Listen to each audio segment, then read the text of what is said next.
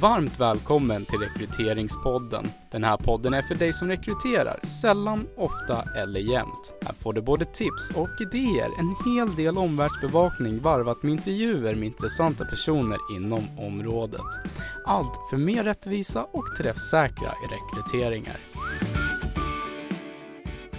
Hej och välkommen till Rekryteringspodden. Hej! Här sitter jag, Anki Starfelt.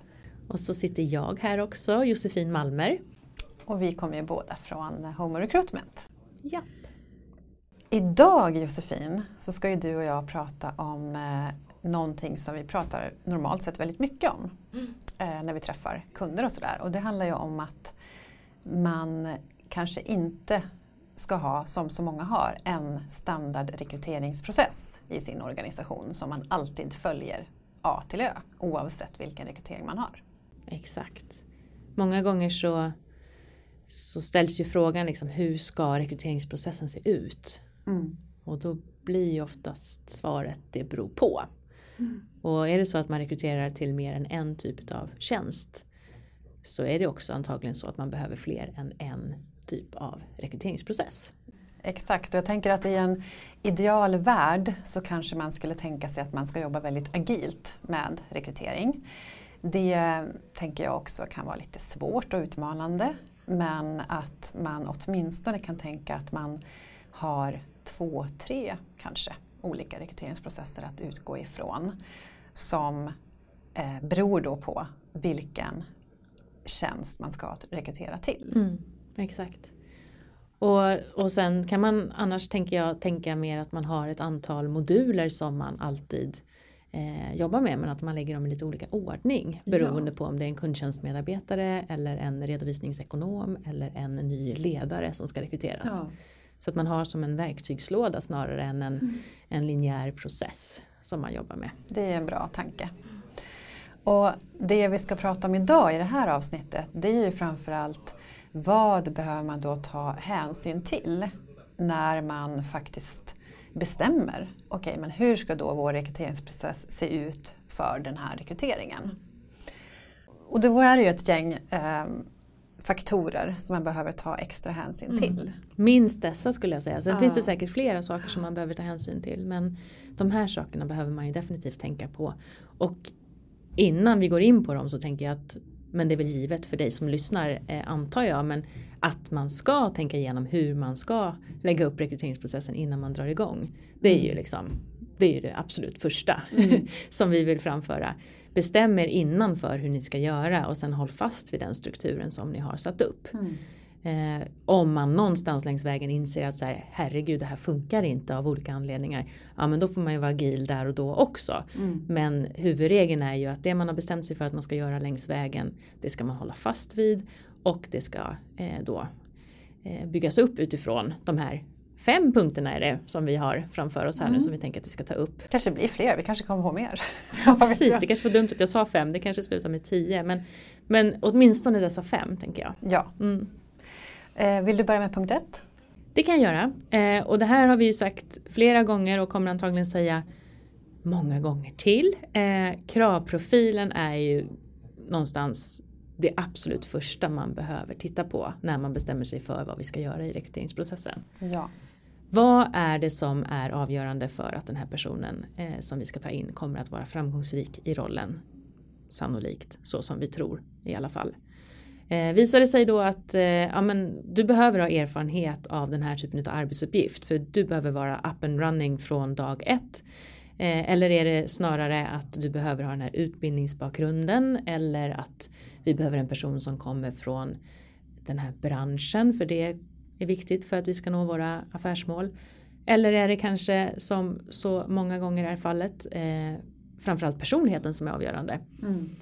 Beroende på vad svaren är här då, beroende på vad kravprofilen säger oss så ska vi försöka stämma av det viktigaste först om möjligt. Mm. Så att gör det i processen eh, så att det som är viktigast i kravprofilen stäms av så tidigt som möjligt. Och då förstår ju alla också att är det så att personligheten till exempel är viktigast, då blir det svårt att gallra CV det första man gör. Ja, där är det ju helt omöjligt att se ja. personligheten. Så att eh, då får man tänka till. Eh, sen så kanske det inte liksom går men det ska ändå vara tycker vi då eh, ambitionen att det viktigaste ska man ta först. Och det av den enkla anledningen, det finns ju många anledningar till det. Det, det är kandidatupplevelse eh, men det är också effektivitet mm. och träffsäkerhet mm. såklart. Exakt. Så att vi inte tar vidare kandidater i processen som, som visar sig vara fel utifrån någonting som är superviktigt men som kommer senare i processen. Mm. Så det är punkt nummer ett då. Ja. Vad är viktigast mm. i kravprofilen? Mm. Och lägg det så tidigt som möjligt. Eller se till att man kan kolla av det så tidigt som möjligt. En annan sak som vi tycker också är såklart jätteviktigt det är eh, alltså vilka metoder är då också träffsäkra? Det finns ju en uppsjö av metoder man kan använda sig av i en rekryteringsprocess. Och här är det ju viktigt att man faktiskt är säker på att den metod, eller de metoder som ingår i processen är också enligt forskning träffsäkra. Men eh, det är ett ämne som är så pass viktigt tycker vi så att det kommer vi att prata och fördjupa oss lite mer i i ett annat avsnitt. Mm, exakt. Så att därför så tänker jag att punkt nummer tre då det handlar ju då om eh, kandidatupplevelsen. Alltså vad tänker kandidaterna om den här delen av processen eller om den här processen. Tycker de att eh, det de får gå igenom är relevant? Mm. Är det så att man förstår de här olika delarna? Eh, är det så att vi tycker att men vi ska ha x antal intervjuer till exempel. Det kan ju vara någonting som för kandidaterna blir väldigt egentligen helt, eh, det tar o, ska säga, allt för mycket tid. Mm. Till exempel, det blir en orimlig process som tidsmässigt och insatsmässigt för kandidaten inte blir rimlig. Mm. Och, så att man behöver också sätta sig i kandidaternas eh, sits helt enkelt och se över eh, hur kommer det här att eh, fungera utifrån deras perspektiv. Mm. Och vad kan, vi, vad, kan vi, vad kan vi kräva så att säga av kandidaterna? Ja, exakt. Och, och där kan man ju också sen tänka sig att det finns vissa steg i processen som finns där utifrån att kandidaterna ska få relevant information till sina egna beslutsunderlag. Eh, vi samlar på oss eh, det vi behöver för att kunna ta ett beslut men vi behöver också förse dem med det som de behöver. Mm. Och där kan det ju vara så att ett av de här stegen är framförallt relevant för eh, kandidaternas eh, beslut. Och, och, det är okej. Okay. Eh, det kanske inte är en träffsäker metod men den ska ändå finnas med där och då ska ja. man också tänka på att man inte gör en bedömning i det steget. Mm. Men en annan grej där också som, som vi också många gånger eh, får hjälpa våra eh, kunder med handlar ju om att få till en rekryteringsprocess som också speglar verksamhetens employer brand. Ja, och den är ju inte minst viktig här att faktiskt ha med i åtanke att eh, våra värderingar och det vi vill kommunicera och det vi kanske kommunicerar när det gäller eh, all marknadsföring och så vidare som vi kanske lägger jättemycket pengar på. Mm. Att det också verkligen återkommer då när kandidaterna väl är på plats och söker jobbet. Mm. Eh, och då kan det ju vara värdefullt att faktiskt fundera över, okej okay, vad är det nu vi kommunicerar och i, när det gäller Employer Brand och är det någonting som lirar med det som kandidaterna får vara med om i rekryteringsprocessen? Mm, exakt. Är vi, säger vi att vi är um, väldigt till exempel framåt och um, vad vet jag, snabba, snabba mm. eller liknande så bör vi vara det även i rekryteringsprocessen. Mm. Eller service-minded eller vad det nu kan vara för någonting. Ja. Såklart. Så det, det är också någonting som man behöver tänka på när man designar eller lägger upp eller vad man nu vill kalla det när man sätter sin rekryteringsprocess. Mm. Fjärde punkten då eh, handlar om kostnad faktiskt.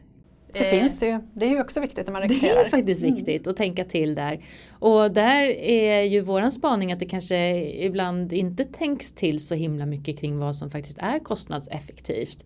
Eh, utan man tänker till vad är det som liksom inte kostar någonting att köpa på något sätt. Mm. Och glömmer bort att vi lägger också en massa timmar i olika delar beroende på vilken metod vi använder oss av. Ett superbra exempel på det är ju Eh, nu tar jag en, en verklig kund här, eh, en, en verksamhet som fick in ett stort, stort antal sökande till sina traineetjänster. Jättekul och det första steget var CV-gallring. Mm. Och där satt hela eh, liksom, HR-verksamheten upptagna i ja, men typ en månad liksom, mm. och de var många och gick igenom ansökningshandlingar. Mm. Absolut, det är, det är liksom väl en billig grej att göra så men tänk de alternativkostnaderna. Mm. Så egentligen så är den väldigt dyr? Så egentligen så var det ju mm. svindyrt. Mm. Ja precis. Så att eh, tänk igenom kring vad, vad, tänk igenom vad kostar egentligen de här olika metoderna oss? Är det kanske egentligen billigare att automatisera det här på något mm. sätt. Och där är det ju också så att det har hänt mycket med priserna på marknaden kring till exempel screeningtester. Eh, som ju kan vara ett alternativ till just CV-gallring eller, eller att det finns sådana här um, urvalsfrågor eller videointervjuer eller sånt mm. som, som till en liksom rimlig penning kan hantera det där på ett smidigt bra sätt. Ja, har man ett rekryteringssystem till exempel, så, vilket de flesta ändå har idag som rekryterar med viss regelbundenhet, eh, då har man ju nästan alltid tillgång till urvalsfrågor mm. till exempel. Mm. Så att eh, det gäller bara att någonstans eh, titta på det här med nya ögon ibland för att inte göra saker så som man alltid har gjort dem. Mm. Och den femte punkten då som vi vill nämna det är ju att vi behöver också se över vem är med eller vilka är det som är med och fattar beslutet i den här processen. Vilka ska tycka och tänka kring vem som ska bli anställd? Mm. Och då behöver vi säkerställa att de personerna också får möjlighet att göra sin bedömning. Och när ska det göras och på vilket sätt ska det göras? Mm. Och här behöver man ju verkligen ta med kandidatperspektivet också så att det inte blir så att bara för att fem personer ska vara med så ska vi sitta fem personer i en och samma intervju. Mm. Eller ha Nej. fem intervjuer. Exakt, så att det där får man ju eh, verkligen fundera över så att det blir eh, på ett bra sätt. Mm. Och det finns ju många tips och tankar kring också men liksom, se till att alla får rätt förutsättningar så att man också har en eh, Eh, en, en, bra dialog sen så att alla har samma underlag. Mm. För annars så blir ju det ett, en utmaning sen mm. om inte alla har samma underlag. Mm.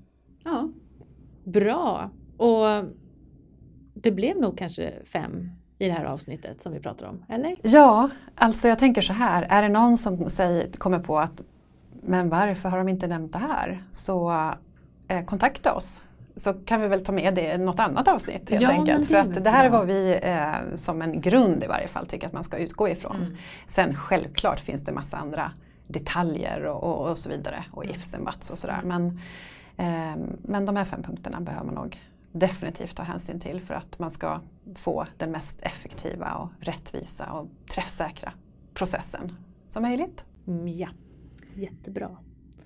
Då Toppen. tackar vi för oss för den här gången. Det gör vi. Och som sagt, hör av er om ni, om ni har något tillägg. Ja. Det tar vi tacksamt emot. Ja. Det gör vi. Bra. Ha det bra allihopa. Tack så mycket. Hej då. Hej då.